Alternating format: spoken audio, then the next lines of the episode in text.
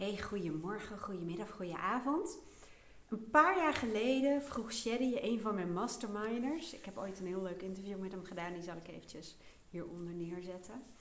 Maar die vroeg mij bij het bepalen van uh, doelen van het nieuwe jaar, ik weet niet eens meer welk jaar, 2020 wellicht, van goh, maar je bent zo gedreven hè, om nog weer verder te komen, om um, nieuwe doelen te behalen. Hè? Je hebt een behoorlijk hoge ambitie.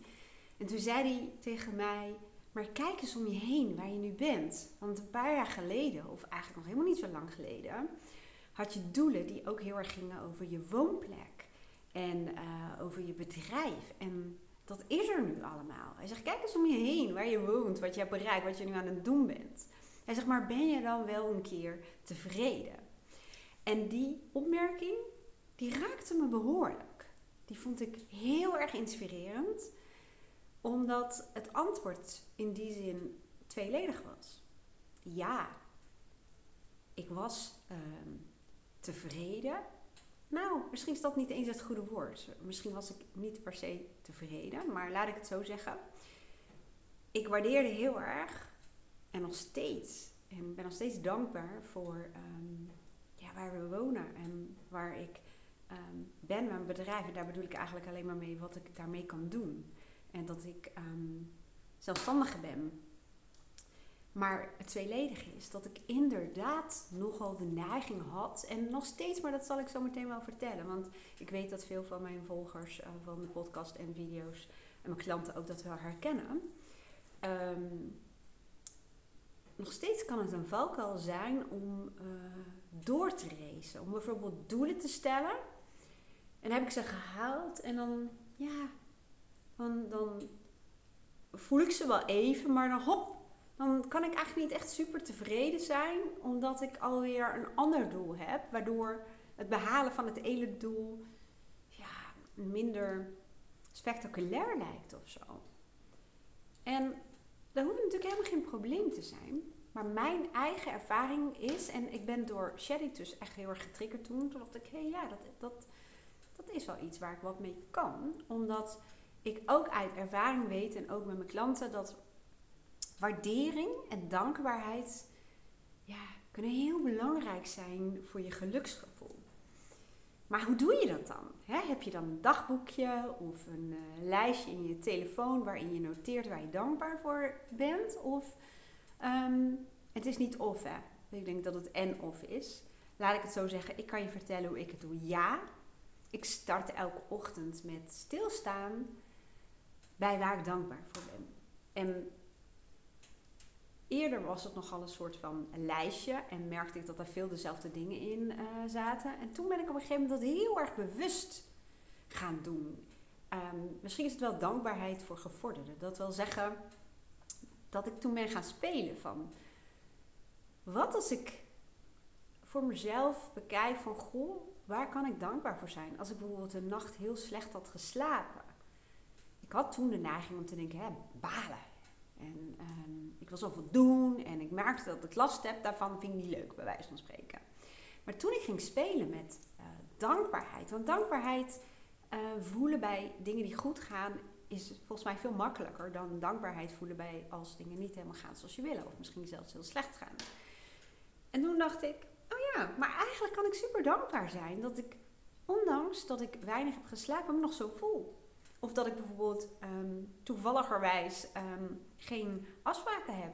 Of um, ik ben zelf zo gaan experimenteren van een slechte nacht hoeft helemaal niet te betekenen dat je dag ook niet oké is. Of dat bijvoorbeeld de sessie niet goed gaat. Want ik dacht, de dankbaarheid is ook dat ik dan veel meer op gevoel en intuïtie coach Ehm, dan wanneer je echt super helder in je hoofd bent. Het klinkt misschien een beetje gek om te zeggen, maar ook, ik wist ook, ik heb nog zoveel energie. Die ene nacht wil niet zeggen dat ik niet um, dingen goed kan doen. Dat is gewoon een bullshit verhaal wat je jezelf als het ware vertelt. Dus ik ben daar heel erg mee gaan spelen, ook in situaties die ik zou labelen als uh, negatief. En um, mijn ervaring is en nog steeds, en ik zal je daar zo meer over vertellen, dat dat wel voor mij in geval hè, en voor mijn klanten zorgt dat je meer een betekenisvol gevoel krijgt. Ik ben, ik ben, ik, ik zeg, eh, tegen mensen vaak, als je zegt ik ben, dan identificeer je je met bijvoorbeeld een bepaalde kant of met gedrag of nou, met een status. En als je dat zou willen veranderen, dan gaat jouw brein daar geen energie in steken. Want iets wat je bent kun je niet veranderen. Want ik wilde iets zeggen over, ik ben daar nog steeds niet goed in. Maar als je dat zegt, dan identificeer ik me met het idee dat ik er niet goed in ben. Door daar een beetje mee te spelen, door te nuanceren, door, uh, en ik doe in notitieboekjes die ik gebruik, dus mijn coaching vaak ik ben, en doe ik zo, zo kruis doorheen.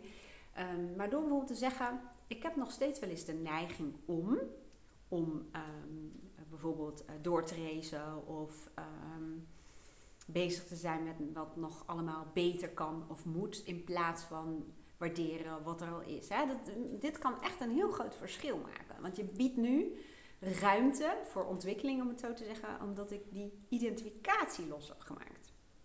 Nou goed, daar, daar ging hele, deze hele podcast niet over, maar hij is wel heel leuk natuurlijk dat die uh, nu ontstaat. Even terug naar um, wat Sherry mij leerde. En uh, wat, eigenlijk was het weer een stukje opfrismoment. Dat ik dacht, oh ja, die dankbaarheid en waardering. Want dat wilde ik zeggen, ik ben nog steeds niet heel goed in. Nou, wat ik dus wilde zeggen, ik heb nog steeds de neiging om, um, dus nadenken. Hè? Dus uh, als het ware, dat is gewoon wat tijdens de coaching natuurlijk ook gebeurt. Gewoon nadenken, bewust nadenken. Van, um, ja, dat ik nog wel eens de neiging kan hebben.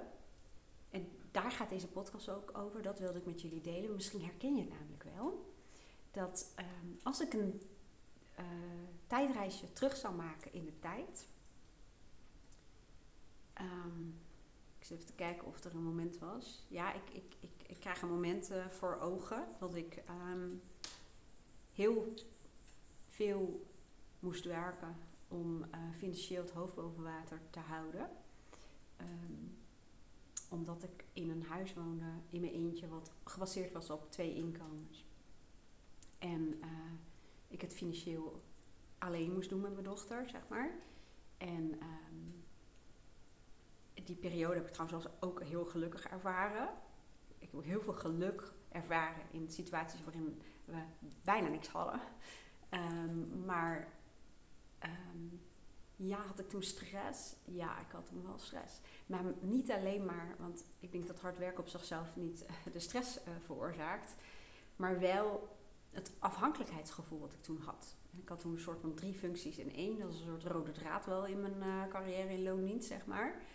En ik uh, voelde me overal net zo verantwoordelijk voor. En ik vond dat ik van mezelf niet uh, ziek mocht worden, geen griep mocht krijgen. En dat ik alle ballen in de lucht moest houden. En dat ik uh, per se voorzitter van de medezeggenschapsraad, moest zijn. En een sociaal um, netwerk moest hebben. En veel vrienden, veel dingen moest doen. Dus ik, ik had vooral stress door um, ja, wat ik allemaal van mezelf moest. En ook hoe ik het van mezelf moest. Dus een innerlijke perfectionisme was bijvoorbeeld ook heel erg aanwezig een streber, nou, van alles en nog wat. En er waren toen een aantal dingen. Dat moment was ook het moment waarop ik met mijn persoonlijke waarden bezig ging, die ik heel erg verlangde. Toen zou ik hebben gezegd rust. maar um, ook een liefdevolle relatie. Uh, gesteund worden, dus niet alles alleen hoeven doen en uitzoeken. Of in ieder geval dat gevoel hebben dat, dat, dat ik dat in mezelf zou kunnen toestaan. Um, ik verlangde naar um, een meer zorgeloos uh, bestaan. En um, ik verlangde naar een andere woonplek. Ik verlangde enorm op naar, want dat kriebelde al heel lang, om voor mezelf uh, te beginnen. Maar toen zag ik nog heel veel obstakels. En was een weg getekend. Ik was toen de weg er naartoe, hebben heel veel mensen, maar dat had ik toen ook. Uh, van wat is dat dan en welke hobbels waren er dan nog uh, te nemen, om het zo te zeggen. Nou, als je dan teruggaat in, in die tijd, hoe ik ja, toen was en waar ik was en wat ik deed en wat mijn verlangens waren. En als ik nu kijk, dan heb ik dat bij wijze van spreken zo mega groots overstegen. Hoe raar, hoe raar deze zin ook mogen klinken misschien, maar... Um, ja, door dat gewoon af en toe te doen, in plaats van, misschien herken je dat wel, hè, want dat wilde ik eigenlijk zeggen, dat je bijvoorbeeld um, wat ontevreden kunt zijn omdat dingen nog niet helemaal zijn zoals je wil. Of dat je heel erg bezig bent met ehm, de doelen die je wil behalen, maar die je nog niet hebt behaald. En dan zit je dus eigenlijk in een situatie, in een leven waarin, waar, waarnaar je altijd verlangd hebt. Hè? Wat je gedroomd hebt. Je leeft je droomleven. Maar kun je dat niet helemaal zo ervaren als zijnde je droomleven? Wat je toen wel dacht, als ik dat heb, dan voel ik mij helemaal super gelukkig. Nee, omdat je alweer beweegt van spreken bezig bent met een nieuw droomleven. En ik denk dat persoonlijk het punt niet is dat je bezig bent met een nieuw droomleven. En nieuw vind ik trouwens een heel fout woord, maar meer, um, ik zeg heel vaak dat je kijkt hoe nog leuker kan worden. Hè? Want alles in de natuur is gericht op groei. Alles. Alles is gericht op groei. Maar dit wil niet zeggen dat je op dat moment niet geluk ervaart. Dat je geluk ervaart en dankbaar bent voor waar je bent. Maar dat je ook weet dat het nog leuker, makkelijker kan worden. En dat er nog meer potentieel is. Want dat hoort als het ware bij groei. Maar dat is een andere beleving en ervaring dan dat je denkt, ik ben er nog niet. En pas als ik dat heb, dan. Uh, dan koppel je daar ideeën. Dan ben ik gelukkig, dan ben ik waardevol, dan ben ik succesvol of whatever. Wat het ook mogen. Vrij. Hè, dan ben ik vrij bijvoorbeeld. Ja, en misschien herken je dat wel. En waarom zeg ik dat? Omdat um, een groot deel van de klanten die je coach um, heeft een sterk ontwikkelde innerlijke pusher. In het boek van grondleggers van Voice Dialogue, um, Hel en Sidra Stone, noemen ze dat ook wel de innerlijke slavendrijver. Die wil altijd maar door en beter en harder en sneller en meer. En um, die sjeest als het ware door het leven. En als je zo'n sterk ontwikkelde innerlijke pusher hebt, die in essentie echt een kwaliteit is, als die niet doorslaat naar een pusher, um, dan kan het dus zijn, hè, vanuit die pusher-energie, dat je geen oog meer hebt voor wat je allemaal al bereikt hebt en waar je bent. En dat gaat niet over het bereiken, maar wel over um, ja, wat er in je leven is. En een zin die ik persoonlijk heel um, treffend vind, is iemand die ziek is, heeft maar één wens en dat is beter worden. En ja, ook dankbaarheid. En misschien klinkt het als een zeemelpodcast. Dat snap ik, hè. Ik zal je ook zo vertellen waarom um, dit soort dingen nu extra bij mijn leven. En waarom ik sinds wat Shady tegen mij zei hier meer mee bezig ben. Omdat ik merk dat het me zoveel meer betekenis en voldoening in mijn leven geeft. Dan altijd maar na blijven jagen. En er zijn gewoon een aantal dingen gebeurd die dat weer duidelijk maken. Daar kom ik zo meteen wel even uh, op terug. Maar door ook dankbaar te zijn. Dat ook al is misschien je lichaam uh, niet zoals je het wil, ook al merk je bijvoorbeeld dat je ouder wordt en dat je dat gaat zien. Um, of um, wat blijkbaar heel erg is. Hè? Want bedoel, als je de tv aan zou zetten, dan, dan moet je geloof ik botoxen en hele dure crèmes gebruiken. Dus ook daarvoor geldt weer de betekenis die je eraan toekent. Ik ben alleen blij dat ik um, ouder uh, word. Want ja, wat is het alternatief bij wijze van spreken? Of dat je misschien um, niet eruit ziet zoals je eruit zou willen zien. Maar door ook dankbaar te zijn. Ja, ik weet het klinkt, heel, klinkt misschien echt heel um, zemelig. Maar ja, mij helpt het. En als ik dat met mijn klanten um, aantrek om te kijken. Ja, wat waardeer je nu al in je leven? Dan, ja, dan, wordt het gewoon anders. Ik zal zo meteen nog wat voorbeelden geven dan. Maar dankbaar dat je lichaam het doet. Dat het je brengt naar waar je naartoe wil. Dat je, dat, dat, ja, dat, dat je lichaam is heel erg belangrijk. En, en niet alleen je lichaam, maar ook je geest. Je helderheid van geest bijvoorbeeld. Je um, mentale gezondheid. Om conform je waarde te leven. Dat. Maar ook, ik zou een aantal voorbeelden. Echt hele simpele, gekke voorbeelden wellicht. Um, maar ze hebben hier toen wij hier net kwamen wonen een paar jaar geleden uh, van een uh, telecombedrijf per ongeluk een waterleiding geraakt met um, boren. Kan gebeuren. Maar dan merk je in één keer hoe vanzelfsprekend je het vindt dat er water uit de kraan komt. Of laten we het zeggen, warm water, want daar ging het toen om. En, en je ziet als mens, en dat, dat is ook normaal, of niet normaal, dat is ook maar goed ook, hè, dat we zo veerkrachtig zijn dan um, waardeer je enorm dat er warm water uit de kraan komt en dat je lekker warm kan douchen en dat soort dingen. Omdat het heel gehannes is. Als je dat niet hebt, kan ik je vertellen. Maar dan doet het het weer en dan ben je het ook zo weer vergeten. En dan ga je weer verder. Nogmaals, ik denk ook dat dat um, goed is, want het wordt denk ik nogal een kawaii om overal heel erg bij stil te staan. Maar um, toch dat soort dingetjes, uh, zoals laatst viel hier de stroom ook uit. Ik had helemaal niks meer. Ik had gelukkig mijn telefoon opgeladen. Maar ehm, het mobielbereik was niet zo heel goed. Ehm, dat is ook omdat we in bos wonen, zeg maar. Um, en normaal hebben we supersterke wifi, glasvezel en dat soort dingen. Maar ja, dat was er ook even niet. Ik had allemaal kaarsjes aangezet. Maar ik dacht, oh ja, hoe vanzelfsprekend vinden we dat eigenlijk ook, hè?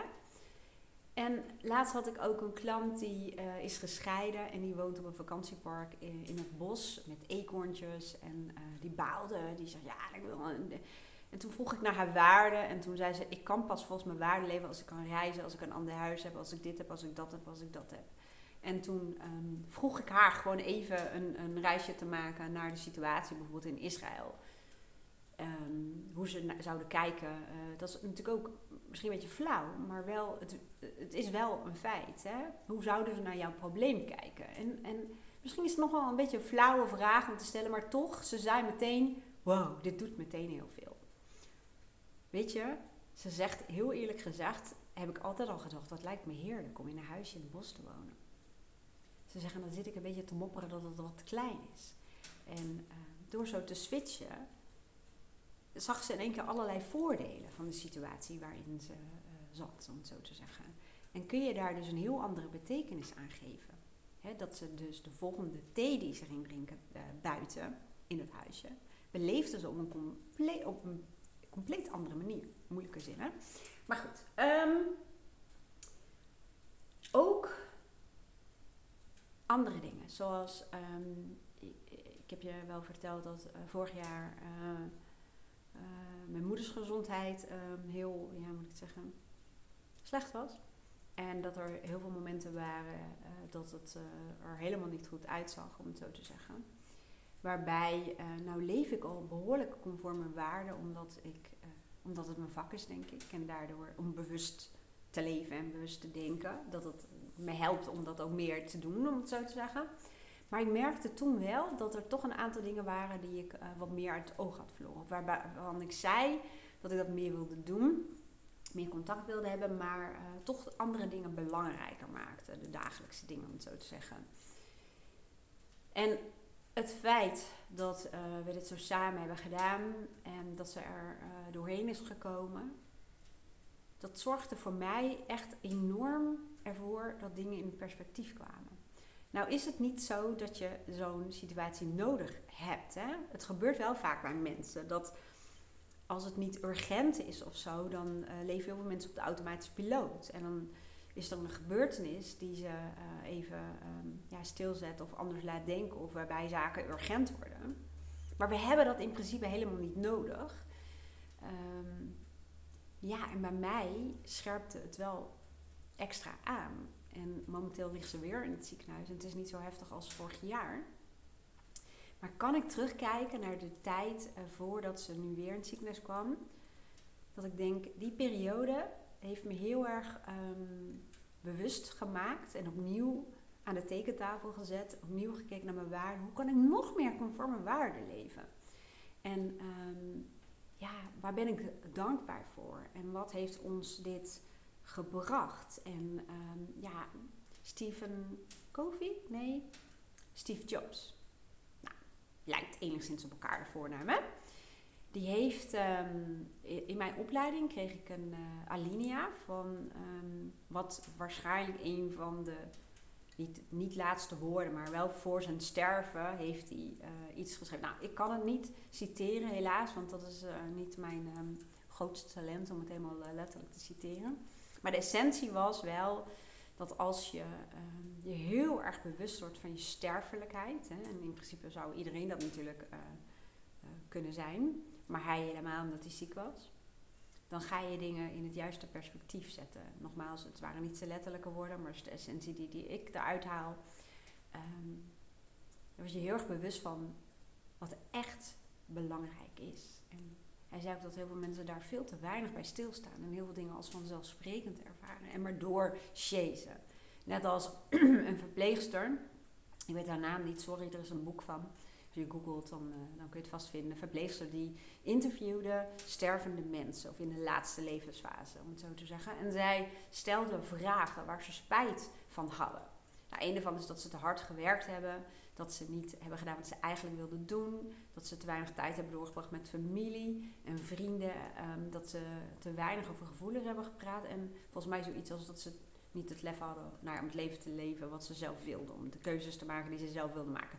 Ook dat is niet geciteerd, uh, letterlijk. Dat is de essentie die ik eruit haal. Maar ehm, veel van waar, wat we najagen, dat um, zit hem niet in die dingen. En daar had ik zelf ook een achterhandje van. Hè? Want um, ja, een huis in een bos waar je mensen kunt laten komen, waar ruimte is. Ja, dat, dat echt, ik kan elke dag opnieuw zeggen, dat draagt absoluut bij aan onze levenskwaliteit. En dat van de mensen waar we van houden, de mensen waar we om geven en de klanten. Omdat het gewoon in de natuur is, omdat de natuur gewoon zoveel goed kan doen. Tenminste, zoals ik er naar kijk, zeg maar.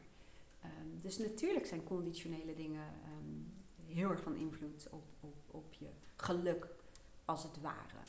Um, maar we jagen vaak dingen na ten koste van, ja, van dingen die we misschien als vanzelfsprekend ervaren. En nogmaals, misschien denk je, god, god, jongen, wat zit jij te semelen? Heb je misschien een midlife crisis? Nou, ik heb geen midlife crisis. Maar um, ik merk gewoon wel, even kijken, hoe gaat die door? Want uh, ik word ondertussen gebeld. Even kijken hoor. Ja, hij gaat gewoon door met opnemen. Dat is wel zo handig, hè? Anyway, um, ik merk wel, en daar heb ik ook heel veel gesprekken over, ook in mijn coachpraktijk, dat um, mensen last hebben van het op de automatische piloot leven. En uh, te weinig in het hier en nu zijn. Te weinig tevredenheid voelen of rust of geluk. Omdat we maar doorchasen. En omdat het vaak um, voelt als zijnde dat we dat allemaal moeten doen. Maar veel van de dingen zitten in ons eigen hoofd. En ook de wijze waarop je ze moet doen. Hè? Want dat bedoelde ik ook met die perfectionist. Als je een innerlijke perfectionist hebt, die wil alles 100% perfect doen. Alleen ik doe vaak zo van die lat die hier ligt, in vergelijking tot als je hem hier neer zou zetten.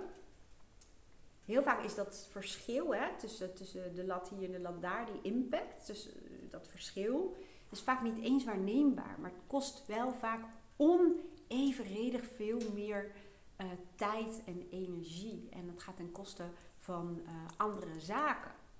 Dus ja, wat ik probeer natuurlijk altijd zoveel mogelijk um, enigszins wat inspiratie mee te geven van wat zou jij hier nou mee kunnen doen. En ik wil dat ook niet voor jou invullen, hè, want misschien zeg je al, ja, het, alleen het bewustzijnsproces um, heb ik al veel aan. En ik hoor ook heel veel van jullie dat een bepaald zinnetje of zo in een podcast juist heel veel heeft gedaan. Toen ik dacht, huh, dat zinnetje. Dus ik wil dat niet voor jullie invullen, maar um, ja, ik denk als ik het zou moeten samenvatten in de kern, wat mij echt mega veel geholpen heeft um, voor verschillende dingen. Ten eerste om um, veel meer te leven conform mijn waarden door überhaupt te weten wat zijn dan mijn waarden. Hè? En daarbij, als je dat proces um, doorloopt, zeg maar, dan merk je ook het contrast tussen wat jouw waarden zijn en uh, volgens welke normen en leefregels je nu je leven leeft. En dan zie je vaak ook het ja, contrast of conflict daartussen. En dan kun je er ook wat mee. En dan kun je als het ware ook meer als op gaan ruimen in je leven. Waardoor je um, ja, ook meer rust krijgt, meer tijd voor de dingen die echt belangrijk voor je zijn. Dus dat is het ook een beetje het, um, ja, je waarden zijn ook je referentie om te bepalen of hetgeen waar je mee bezig bent en met wie ook um, wel voldoet aan jouw waarde, jouw waardevolle leven, om het zo te zeggen. Dus dat. Um, en de manier waarop. Want het is niet per se gezegd dat je uh, zomaar uh, alles uit je leven moet bannen wat um, misschien niet meer bij je past. Maar het gaat ook vaak om de manier waarop je de dingen doet. En dat bedoelde ik al net met uit te leggen van um, als je bij alles bij wijze van spreken voor een tien gaat. Als je al gaat spelen met dingen die eigenlijk helemaal niet zo'n verschil in impact hebben ja, dan kan je het jezelf wat makkelijker maken. Datzelfde heb ik ook gedaan. Ik heb echt ook een innerlijke perfectionist aan mijn stuur gehad. Dus ik weet heus wel uh, dat het uh, makkelijker klinkt dan dat het vaak is in de praktijk. Ook kan het wel, hè, want uh, bij mij is dat ook zo gegaan. Maar je moet vaak even weten hoe je dat dan doet. Ik heb daarvoor heel veel voice dialogue gebruikt. Dus met die verschillende kanten. Um, even kijken. Als ik nog een voorbeeld kan bedenken.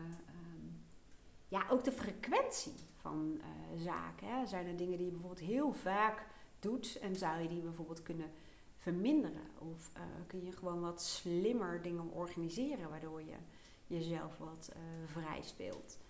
Nou, ik probeer nu praktisch te maken, terwijl eigenlijk is het helemaal geen praktisch vraagstuk. Het gaat, dit gaat volgens mij heel erg over betekenisvol leven. En het is ook een beetje mijn eigen gedachten hierover. En bewust leven is volgens mij ook iets wat je dagelijks moet doen. En moet doen bedoel ik mee te zeggen, wil je dat effect houdt. Want anders wordt het ook weer een soort van automatische piloot. Ja, nou, ik hoop dat je er in ieder geval iets van chocola van kan maken. Of iets anders, wat je lekker vindt, natuurlijk. Nou, mocht je hier iets aan hebben gehad, of aan mijn andere podcasts en video's, dan laat het even weten. Dat kan in de comments. Um, dat kan ook door een vind ik leukje uh, te doen. Duimpje omhoog. Of je te abonneren op mijn YouTube kanaal of Spotify of Apple. Of nou ja, er zijn zoveel andere podcast uh, kanalen waar je dit uh, kunt beluisteren. En uh, als je mij wil helpen, dan zou ik je erg dankbaar voor zijn om mijn eigen kennis, ervaring en die van mijn klanten, waar jullie misschien iets aan kunnen hebben, om die verder te verspreiden door een beoordeling achter te laten op bijvoorbeeld Apple of Spotify. Daar zou ik heel erg mee geholpen zijn. En ik hoop ook de mensen uh, die hier ook iets aan kunnen hebben. Dankjewel daarvoor, ook voor het kijken of het luisteren. Ik wens jou een hele mooie dag en heel graag tot de volgende podcast of video.